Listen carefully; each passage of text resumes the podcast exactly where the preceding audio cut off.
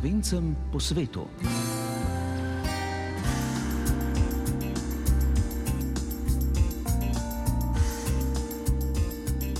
Lepo pozdravljeni, dragi prijatelji naše oddaje, tako na tujem kot doma.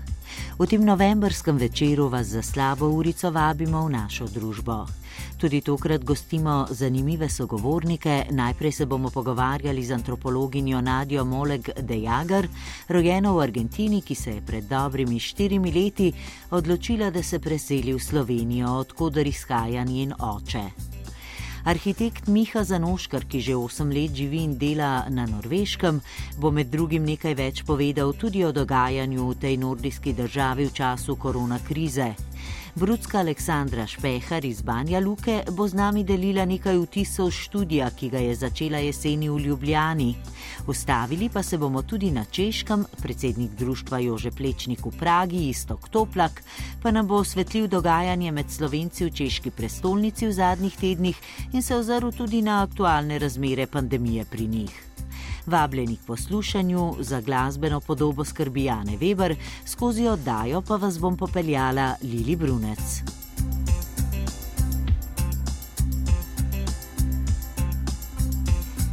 Antropologinja Nadja Molek de Jager je bila rojena v Argentini, pot pa jo je pred dobrimi štirimi leti pripeljala v Slovenijo, kjer si je ustvarila novi dom.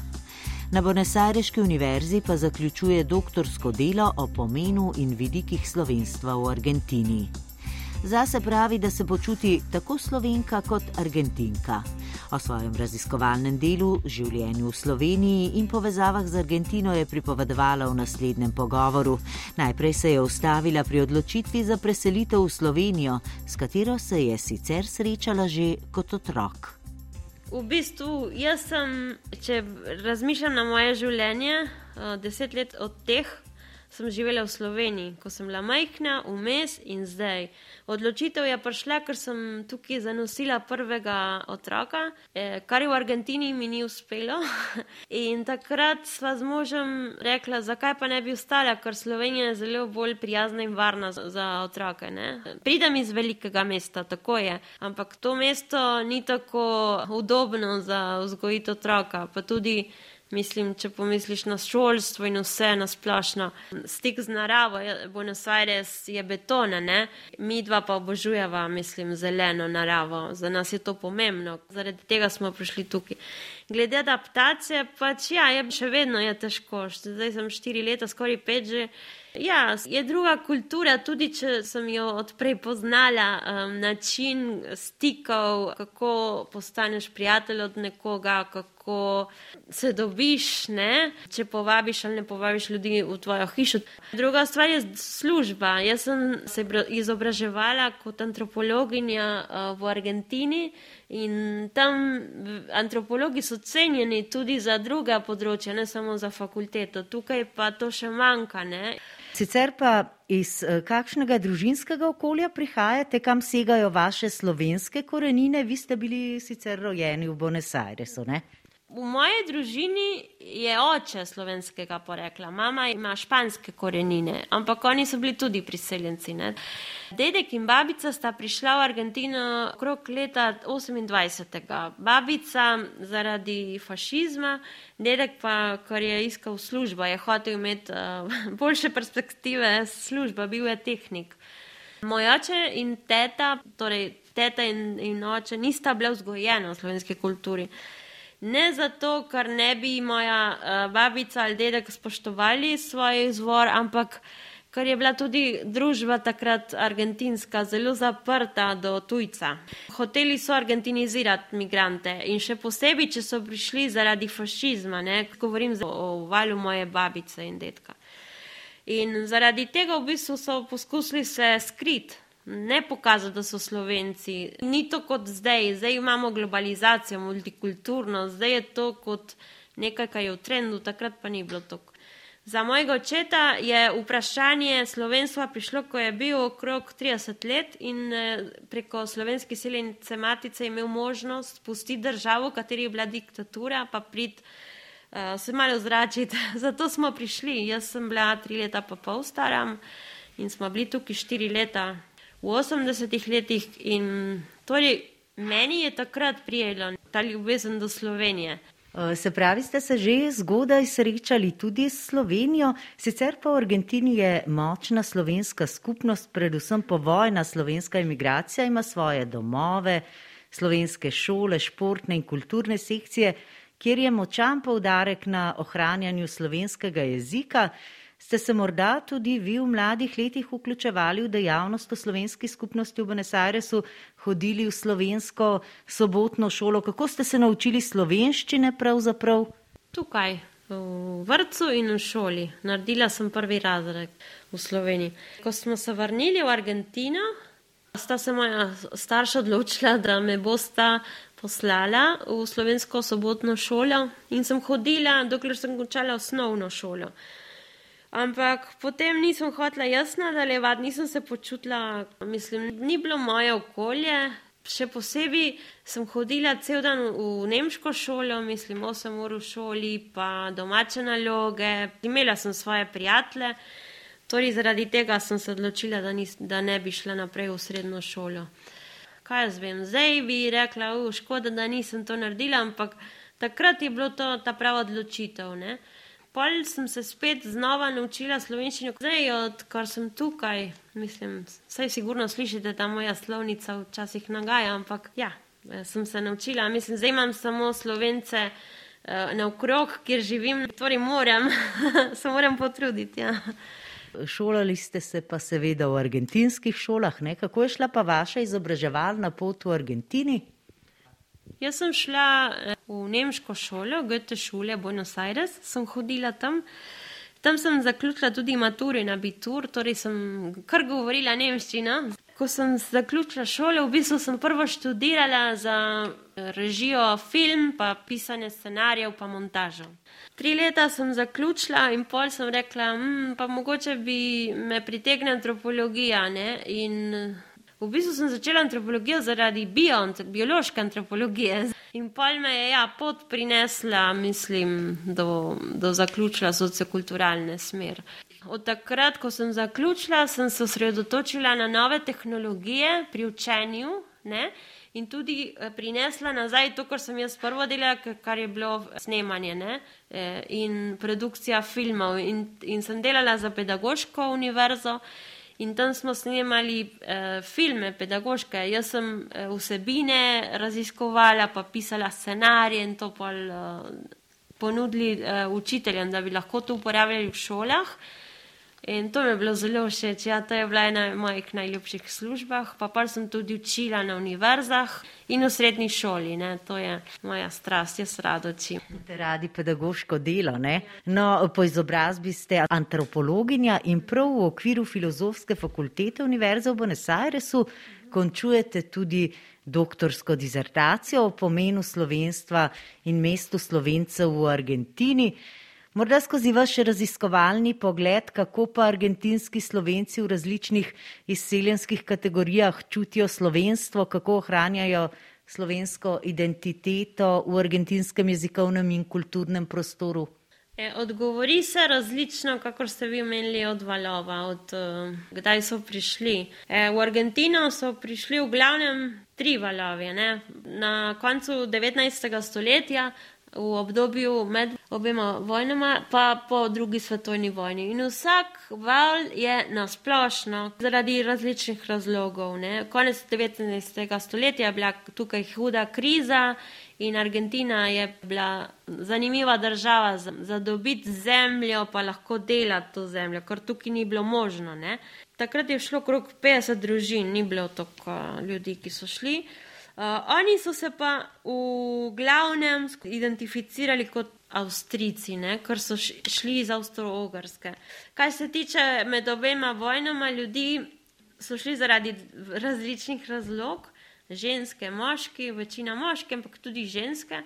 In oni v bistvu, kar sem prej rekla, ni bilo zelo pozitivno reči, da si slav. Še posebej v velikih mestih, kot je bilo Buenos Aires ali Rosario. V velikih mestih pač biti slav je, eh, iz slovanskega izvora je pomenilo, da si komunist. Ne? To je bil ta diskurs, ta imaginari, ki je takrat obstajal. Torej, ljudi, mislim, se niso hoteli s tem zmešati, pa mogoče mešati so hoteli kar eh, naprej delati in tako, in so, kar, so se adaptirali, asimilirali. Ampak tudi nekateri ne, bilo je zelo pomembnih kulturnih eh, dogodkov, posebej v 30-40 letih, pol so zaprli za nekaj časa. Kar je meni zanimivo, da te potomci zdaj tudi odkrijajo svoje korenine. In zdaj, eh, par od teh so ustanovili pred kratkem eh, društva, naprimer v centru Bonasajreške province, v Lavari. Tam se je ustanovilo zdaj en nov slovenski dom, ki se imenuje Kamen, pa imajo svojo radio tudi. Um, tam lahko slišite online uh, slovensko glasbo. Pol pa druga stvar je povojna migracija, ki je šla zaradi političnih razlogov, pa je tudi eh, noter imela kar dosti političnih in duhovnih ne, reprezentantov, ljudi, ki so bili pomembni v medvojnem obdobju tukaj v Sloveniji. Torej, ja, oni so seveda hoteli obdrževati in to to se tudi lahko odgovori preko koncepta diaspore. Ne? Oni so mogli iti. Jaz vedno rečem, da niso bili vsi tisti, ki so bili v tej skupini politični nasprotniki režima. Samo da uh, v Argentini ali v Kanadi ali kamor so šli, še posebej v Argentini, kjer je večina eh, teh močnih prišlo, uh, so tam pač zgradili to idejo, da smo vsi politični begunci. Ampak jaz imam eno prijateljstvo, uh, ki babica je šla zaradi, ker je duhovni rekel, da pride komunizem, gremo.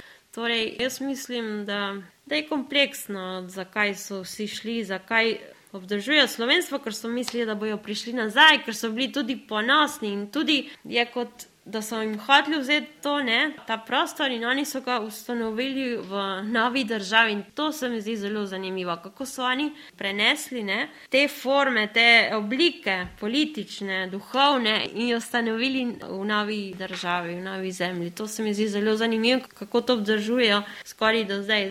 No, z vašega vidika, kaj pa pravzaprav pomeni identifikacija za slovencev v Argentini med potomci slovenskih izseljencev, ki so zdaj že tretja, četrta, ponekod tudi peta generacija? Kako se različne generacije potomcev slovenskih izseljencev med seboj razlikujejo, oziroma ali se med seboj tudi povezujejo? Ja, je zelo različno, tudi od posameznika. Zelo. Se kaj eh, družijo, imajo stike različne kategorije teh izseljencev med sabo, predvojna, eh, povojna, politična, sodelujejo med sabo? Nekateri ja, nekateri ne. E, tisti, ki so v bistvu, če govorimo o politični migraciji, se mi zdi, tisti, ki so tisto trdo jedro, ki imajo že svojo organizacijo, ki so že legitimirali svojo identiteto, ki se prepoznajo kot ta pravi slovenci, tisti, ki smo bili lojalni do našega slovenstva, te se poskusijo ne mešati. Mislim, oni so zaprti ne, za nove oblike, za nove um, ljudi. Pojmaš pa druge posameznike ali druge skupine, še posebej izven Buenos Airesa, ne, naprimer um, bi rekla v Mendozi. Uh, ali v severnem delu Patagonije, ker imaš potomce povojnih in predvojnih. In oni se družijo, ker tam ni nobenega slovenskega društva. Ampak, naprimer, v severni Patagoniji imaš tudi en primer, v katerem so se mešali, pa so poskusili najti eno novo pot do ustanovitev centra, jim še ni uspelo. Pol imaš primer Entrariosa, tam eh, imaš potomce eh, 19. stoletja, pa medvojnega obdobja. Uh, oni so na začetku bili skupaj, pa pa so se malo skregali. Ne, to, tudi, to se dogaja. Tudi v Triglavu se je to zgodilo v društvu, kjer je moj oče sodeloval. Ja. Verjetno tudi mlajša generacija nekako uh, prevzema sodelovanje, ki pa ni tako zelo obremenjena z preteklostjo, kaj ne?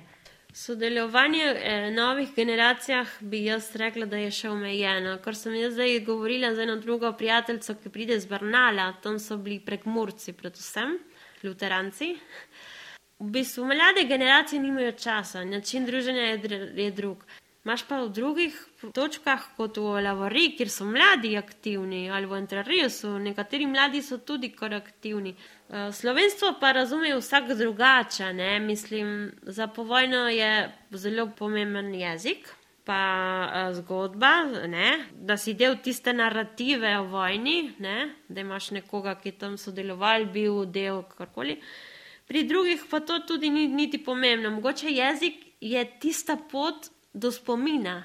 Jaz se naučim ta jezik, da pridem do mojih spominov, babice, da razumem tisto pismo, da razumem ta recept, ki sem našla. Dobro, hrana, to, to sem tudi zaključila za di diplomsko raziskavo. Hrana je res uh, ena zelo pomembna dediščina, ki pridobiš kot potomc. Pa pa glasba, se mi zdi, da preko tega pridejo, ne? ampak za njih biti slovenci je imeti potomca, tudi če niso vsi, ne? kot v mojem primeru. Jaz se ne identificiram tako španskim poreklom.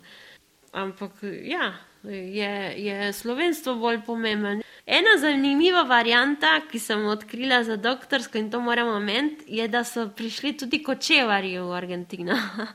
Vi izhajate iz umetniške družine ne? in tudi vas polje umetnosti in kultura zelo privlače.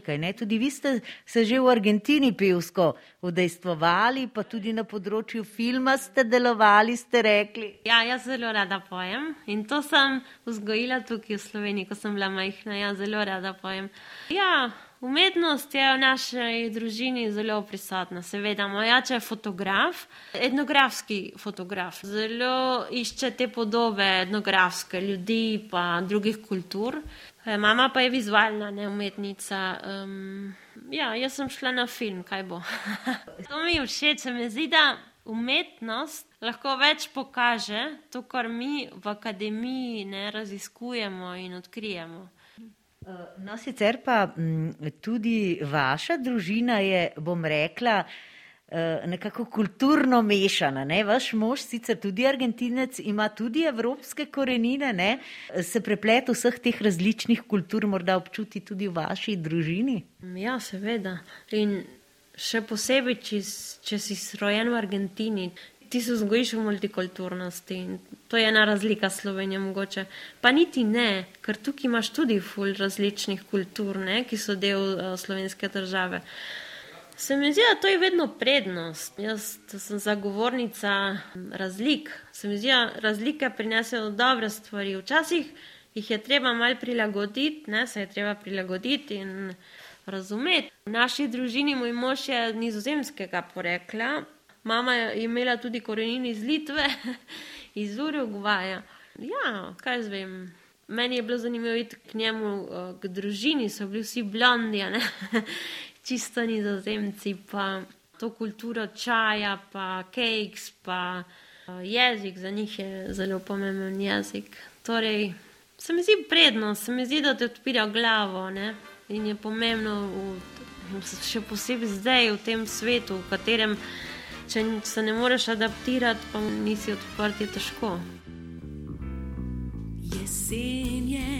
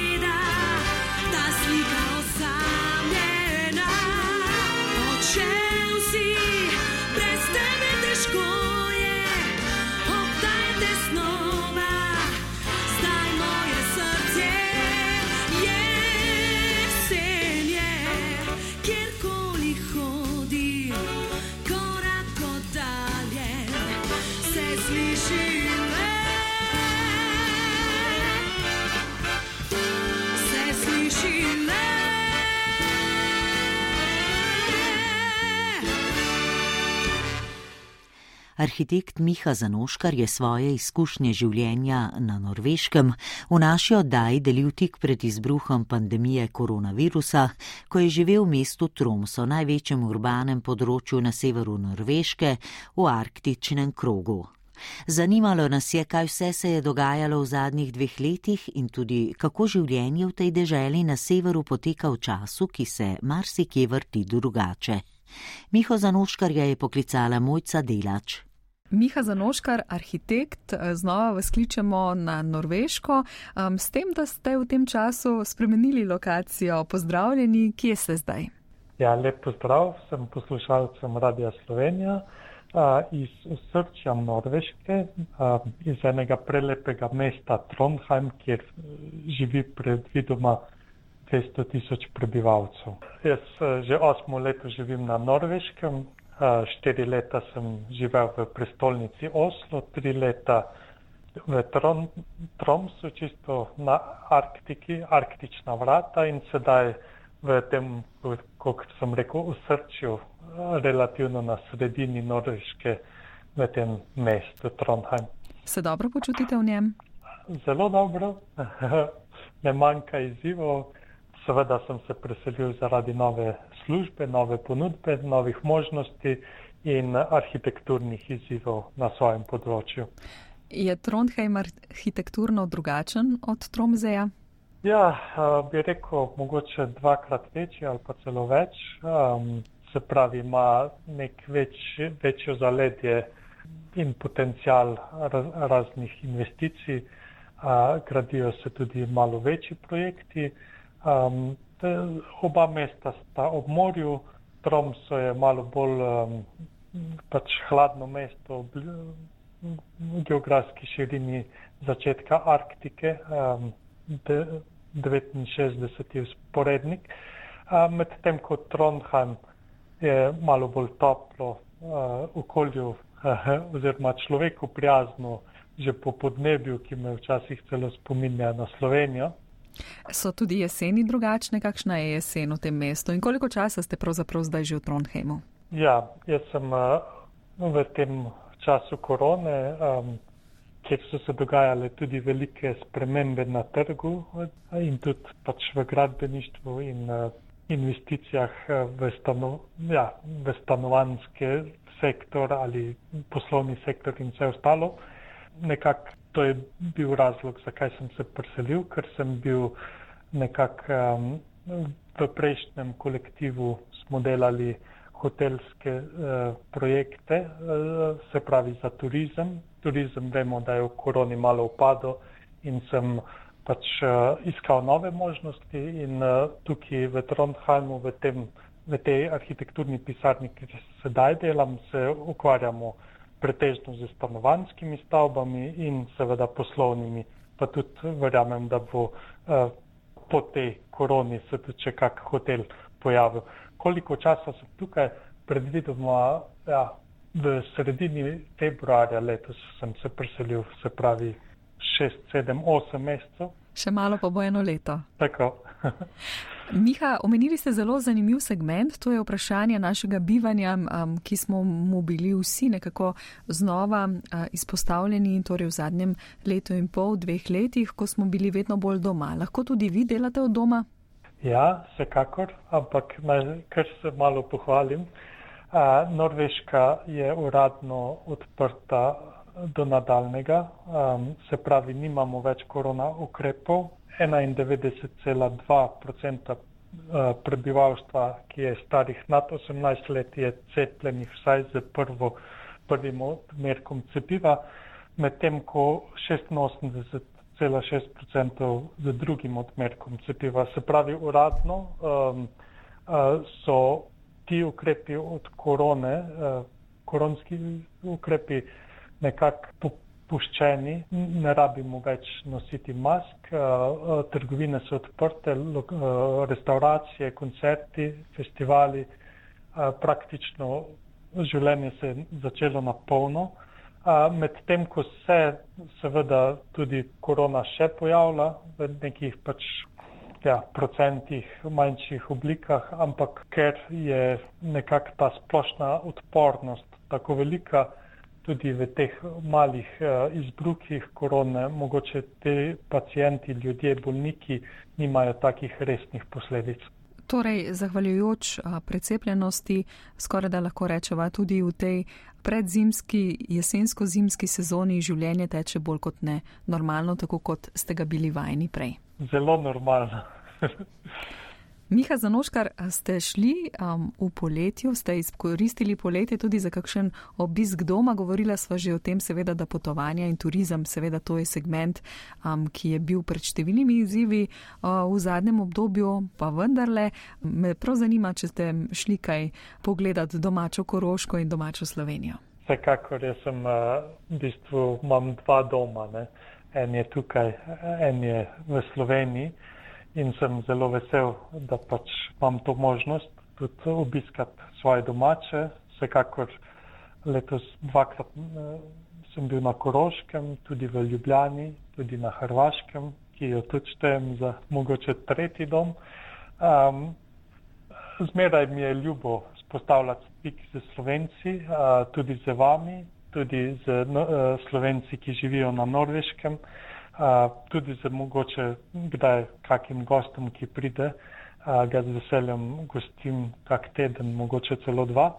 A, in nekako ta pristni stik za Slovenijo se mi zdi smiselno nadgrajevati, še posebej si pa prizadevam, da tudi kot arhitekt, da bi eh, izkoristil čim več priložnosti in mogoče naredil tudi kak projekt oziroma čim več projektov tudi na vaši strani. Torej, da pustite kakšen arhitekturni pečat oziroma doprinos tudi doma. Tako, če ne presežek, pa vsaj, da ugodim kakemu prijatelju, ki eh, gradi hišo ali prijateljci, sorodnikom, znancem in podobno. Veliko dela imate, zdaj smo vas zmotili med malico, prav veseli, da ste si vzeli čas za oddajo slovencem ja, po svetu. Um, torej, Miha Zanoškar, ste zadovoljni, Norveška oziroma zdaj Trondheim ostaja a, en izmed vaših domov, če tako rečemo. Tako. In gotovo še nekaj časa, ne, bodo izzivi tam, potem pa kdo ve. Ja, jaz mislim, da v teh eh, pač eh, turbulentnih časih človek mora biti odprt na priložnosti, pač odkuder prihajajo in seveda včasih tudi malo tvegati. Ne. Vsako tveganje je lahko pozitivno, negativno, ampak vsekakor um, življenje prinaša izzive in uh, prav je, da se na njih tudi odzovemo. Samo še dve čisto kratki vprašanji, ker ste kar veliko vlagate tudi energijo v povezovanje s Slovenci, z rojaki. Vas je kaj v Trondheimu? Ja, resno se. Uh, mogoče v tem trenutku enih pet, uh, za tiste, katere vem, pa mogoče je še kdo. Pa ko ste ravno omenili, um, še zmeri sem zelo aktiven član društva Triglav, ki je društvo slovencom na Norveškem. V tem društvu nas je predvidoma okoli 50 in soboto 13. novembra imamo v okolici Lillehammerja martinovanje. Potem pa je to prava priložnost, da zaželimo na zdravje in prijetno druženje, kot ste rekli, pri vas je to mogoče, v Sloveniji nažalost zaradi razmer, kot so um, martinovanja in druženja, odpadajo. Ja, mogoče to odpada, bomo pa takrat mislili na vas in upam, da tudi nazdravili z kakšnim dobrim slovenskim vinom. Miha Zanoškar, hvala za tokrat. Prepričana sem, da se kmalo znova slišimo in pokukamo v vašo zgodbo. Za konec pa seveda še skladba. Tokrat ste izbrali eno, ki mislim, da vas bo malce spomnila na poletje. Ja, res je. Eh, hvala lepa za ta, to možnost izbere. Tokrat pa imam res eno prijetno skladbo, ki me pač eh, spominja na študijske leta in sicer skupine Tabu, eh, pesem Pesek in dotik dotik, le dotik, je povedal vse za oba. Pogled, len pogled, je spremenil naj svet. Se še spomniš risanja po pesku, pesek naju je pokril za lahko noč. Prvi cest, skupaj sva preštela, pozabila na vse. En dan, le en dan, ki v večnost je ujet.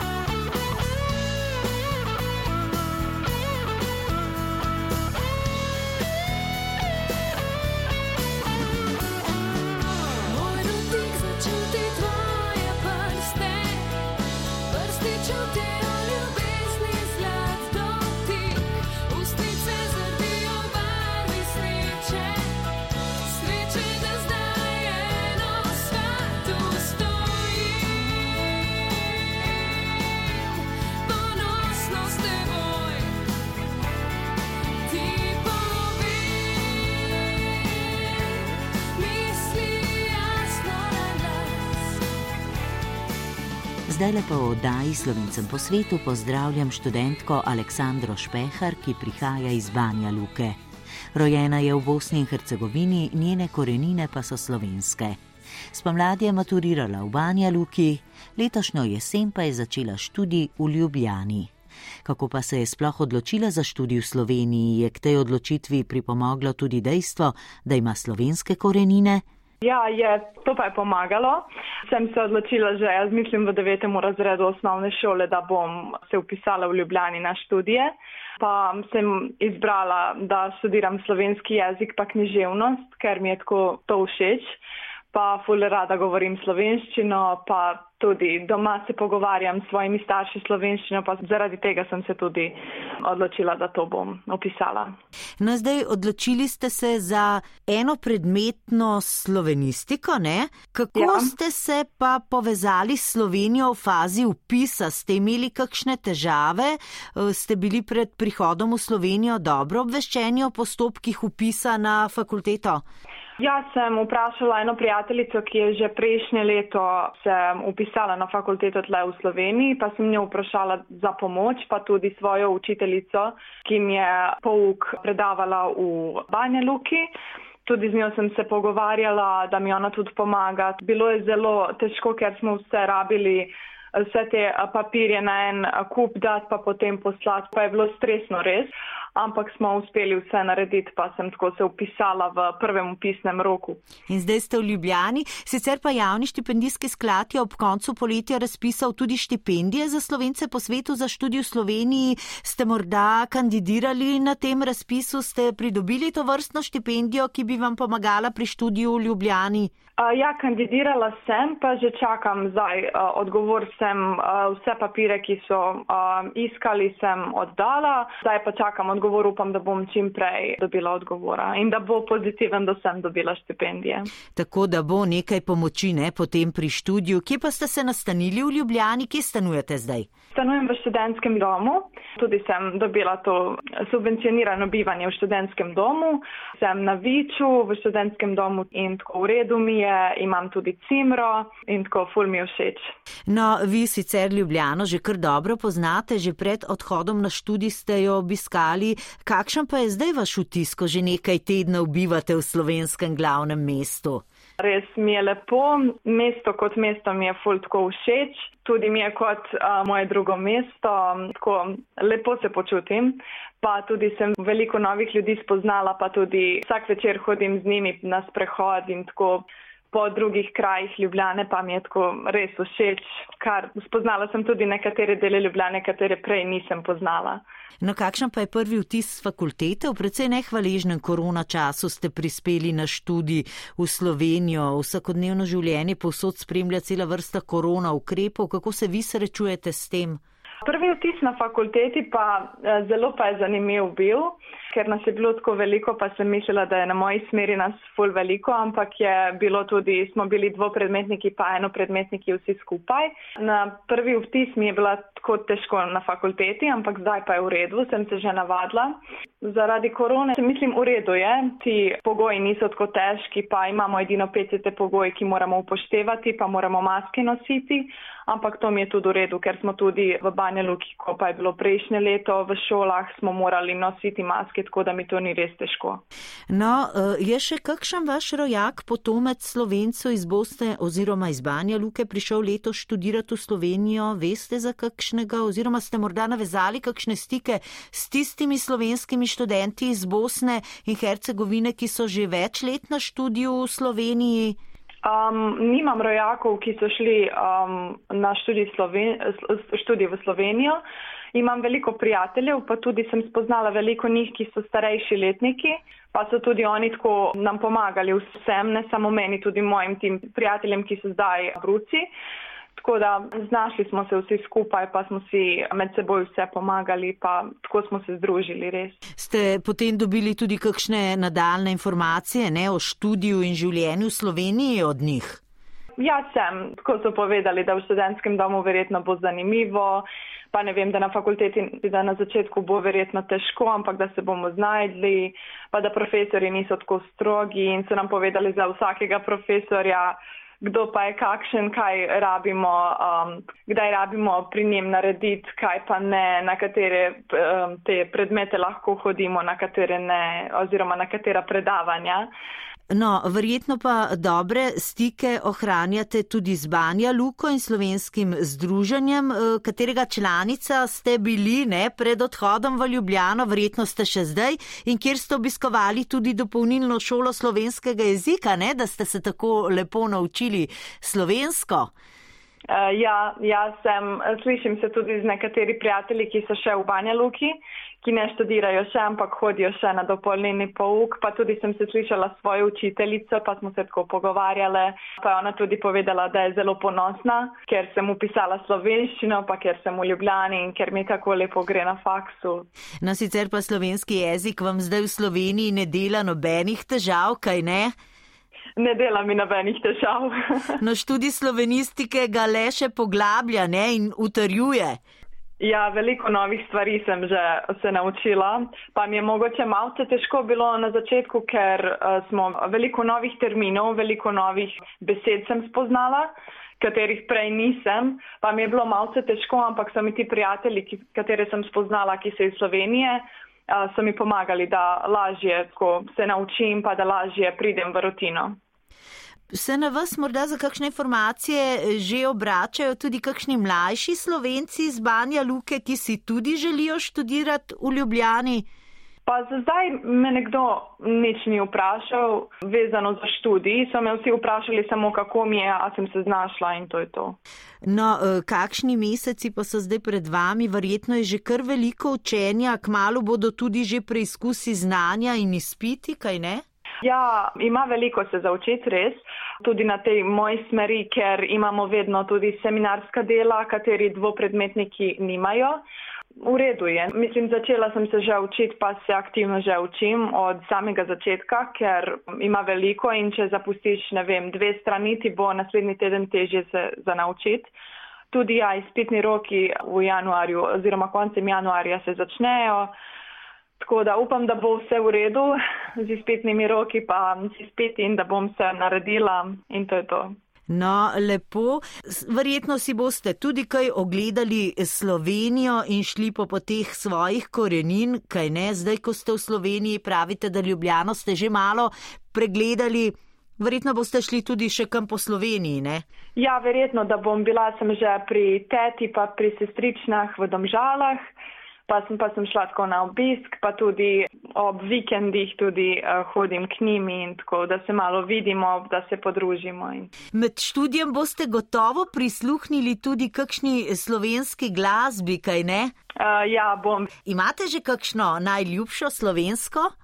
Mislim, prejšnje leto sem imela sivo pot, zdaj mi je še ta najljubša, mogoče ti moja rožica, da mi je ta tako druga pesem, ki mi je najbolj všeč. Gospodična Aleksandra Špehar, jaz vam želim uspešen študij, dobro počutje v Sloveniji in lepo se imajte. Nasvidenje. Hvala vam, nasvidenje. Kakor pozni cvet poletja, v vrtu mojem sadek tiš, sredi pisanega cvetja, od mlajših se mi lepša zdiš. Rad utrgal bi te nežno, ti roža moja vroči san.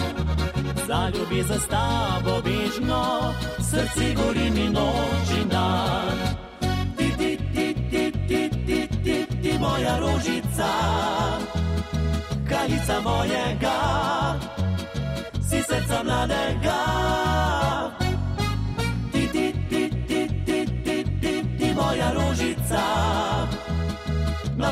Pragu zrelih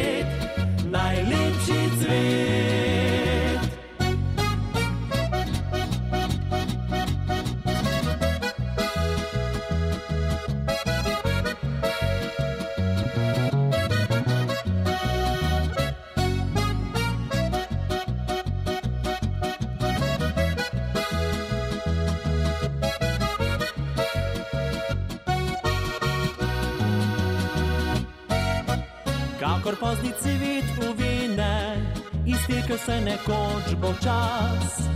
Ne bi rada ti brez mene, postara se telo obraz. Preden konec bo vročine, utrgam ta dehtiči cvet. Preko mu lepota mine, bo zame z njim čaroben svet. Ti, ti, ti, ti, ti, ti, ti, ti moja rožica kraljica mojega, si srca mladega. Ti, ti, ti, ti, ti, ti, ti, ti moja rožica, na pragu zrelih let, najlepši cvet. V zadnjem delu oddaje pa se za nekaj minut selimo še na Češko. Predsednik društva Jože Plečnik iz Prage, Istok Toplak, nam je na kratko nanizal nekaj utrinkov iz dogajanja med Slovenci v češki prestolnici, najprej pa sva se dotaknila razmer povezanih s korona krizo. Dogajanje v Pragi je seveda podobno kot druge v luči korone, zato ker posod naraščajo okuženi oziroma identifikovani. Na češkem so te številke približno med 150 pa 250 na teden na 100 tisoč prebivalcev. Mislim, da tako štejejo številke, ker je mogoče nekaj menj kot v Sloveniji. Pa so kakšne omejitve pri vas zdaj spet po novem? V tem trenutku imamo prehod stare vlade in nove vlade. Nova vlada še ni nastopila oziroma še ni imenovana. Stara vlada dela določene ukrepe. Omejitve so standardne, maske v prostorih, maske na delovnih mestih, če niso osebe dalj kot en in pol, pol metra od sebe. Potem so omejitve pristop v restauracije, to pomeni vstop v restauracije samo za cepljene ali tiste, ki imajo negativni test ali tisti, ki so preboleli v zadnjih šestih mesecih. Vsi se morajo, se morajo s potrdilom dokazati, lahko je elektronsko, pa še nekaj podobnih stvari, to pomeni posod na javnih eh, prostorih maske. Je na Češkem sicer dobra precepljenost med prebivalci? Politiki pravijo, da ne, da smo pod evropskim poprečjem, ampak v primerjavi z Slovenijo smo par mest pred Slovenijo v Evropi. Mislim, da je številka približno, odvisno kako gledamo te številke, med 50 in 60 procenti, ker otroci do 12 let se niso cepili, oziroma do celo do, do 16, pomeni, da ta številka je celega prebivalstva kar uspešna. Naprimer, pri starejših je precepljenost nekje preko 90%, naprimer v srednjem, višjem veku, okrog eh, 40 do 60 let je cepljenost približno 80%. No, sicer pa dogajanje poteka. V minulih eh, dneh je bilo pestro dogajanje tudi v okviru slovenske skupnosti v Pragi, kaj ne, kar nekaj zanimivih dogodkov se je zvrstilo. Ja, v prejšnjih dveh tednih smo imeli več dogodkov. Dva dogodka sta, ki sta ostala iz prejšnjega leta, ki so se predstavila z lanskega leta v letos in smo v bistvu to izkoristili in zdaj, ko Slovenija predseduje Evropski uniji, eh, posadili tri lipe prijateljstva med Slovenijo in Češko. Eden je bil v občini Dolni Breženi, kjer prebivam tudi jaz. In je to na meji s Prago, to je v bistvu skoraj kot Praga, spada pod okrožje Praga Zahod. Druga lipa, ki se je posedila, je bila v mestu Vlašim, tretja pa v eh, mestu Brno, kar pomeni, da smo imeli 59, 60 in 61 lipo prijateljstva med Slovenijo in Češko. Pa tudi klop po načrtu Jožeta Plečnika ste postavili, kaj ne? Je to v mali vasi, blizu Zlina. Zlin je poznan po podjetniku Bati, ki dela čevlje. In je to mala vas, kjer se je postavila Provodov, se imenuje. Sami vaščani so se odločili, da se postavijo klop eh, po zgledu Jožeta Plečnika, ker eh, so ljubitelji njegove arhitekturi in je pred časom bil cel avtobus z te vasi na izletu po Sloveniji, kjer so si ogledali Plečnikova dela. No, sicer je arhitekt Jože Plečnik eh, zelo poznan med Čehi, imajo ga tudi malo za svojega. Sicer pa tudi tri razstave ste gostili, kaj ne? Tako v vseh teh primerih, ko smo imeli lipo, posaditev lipe, smo imeli tudi malo razstavo, v kateri vedno sodeluje slovensko fotografsko društvo Antona Ažbe z Škofje Loke in je naš eh, stalni prijatelj oziroma stalni dobavitelj fotografij o Jožeta Plečnika in eh, lepot Slovenije. Se pravi, tema razstav so bile lepote Slovenije. Kdo pa je bil organizator teh razstav, prav vaše društvo Jožeta Plečnika? Glavni pobudnik teh razstav oziroma sploh teh lip je Jan Jelšik, ki je naš dolgoletni član eh, društva in on je pred 20 leti začel saditi te lipe v sodelovanju vedno z veleposlaništvem in z fotodruštvom Antona Ažbe, ki je podpiral z razstavo. Eh, Vedno so bili vsi veleposlaniki zelo dobrodošli oziroma so podpirali te akcije in so se večinoma udeleževali posaditev, ker je bilo vedno tudi na drugi strani politično vodstvo tega mesta ali kraja. Ker pomeni zasluga tem lipam gre češkemu državljanu Janu Jelšiku. Društvo se je k temu pripojilo pred desetimi leti, ko se je ustanovilo in je zdaj pod okriljem kot društva gospoda Jelšika in veleposlaništva. No, sicer pa na takšnih prireditvah se ponavadi izbere tudi veliko slovencev, ki živijo na Češkem. Sicer pa slovensko društvo Jože Plečnik v Pragi je sicer namenjeno predvsem podpori in promoviranju slovenske umetnosti in kulture ne, ter njenih protagonistov v Češki republiki, eh, pa tudi podpori vseh, ki se zanimajo za slovensko umetnost in kulturo v češkem okolju in tudi izven njenih meja. Ste v okviru društva minulih tednih gostili v Pragi tudi kakšnega kulturnika ali umetnika iz Slovenije, sicer k vam redno prihajajo gostje iz Slovenije, kaj ne? Redno prihajamo. Točno kulturnika v Pragi zdaj nismo gostili. Bila je akcija v avgustu, ampak tam ni bilo v sodelovanju z društvom. To je bila akcija na promocijo Slovenije za čas predsedovanja Evropski uniji. Naprimer, to soboto bo srečanje sicer zunaj, na povabilo ambasade bomo imeli pohod v, pri Svetem Martinu, kar pomeni, da bomo šli po Pragi in potem končamo na vrtu v veleposlaništvu, kjer bomo pogoščeni z svežimi kostanji. Prav v luči eh, Martinovega, ne? Eh, Kaj pa imate sicer še v načrtu v okviru delovanja društva, gospod Toplak? Imamo še na črtu povabilo Aleksandrink za Slovenije, ampak glede na uh, omejitve, ki se v tem trenutku dogajajo in uh, precepljenost povabljenih gostov, najverjetneje to ne bo mogoče uresničiti in bomo imeli to akcijo preko Zoom. Je to akcija, ki je v sodelovanju tudi z slovenskim društvom v Brnu in z slovenskim društvom Bratislavi, kar pomeni, da bi vsi skupno sodelovali na Zoomu. Pisane trsek, lavendi undi trsek. Si Sitar Sula vendía, hoy Tarsek vivió, Istas Cagreuper y él la vendí un día.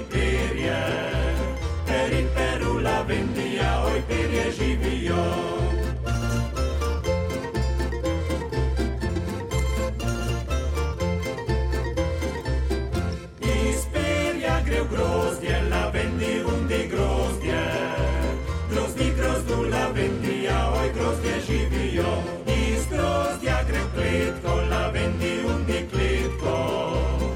Lesitles la vendía, hoy clitca vivió.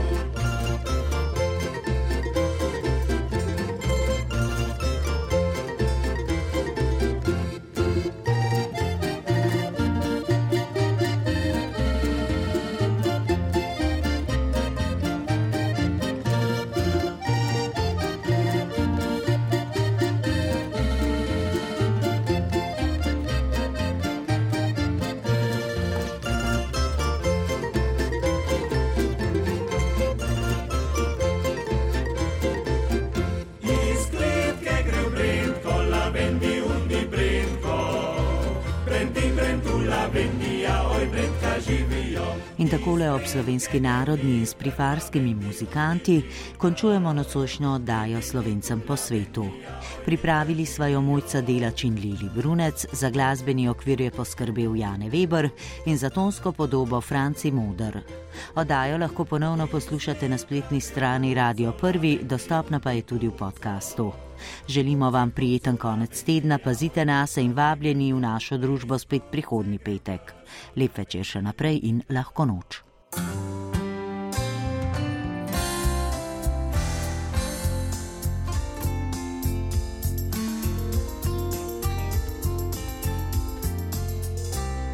Slovencem po svetu.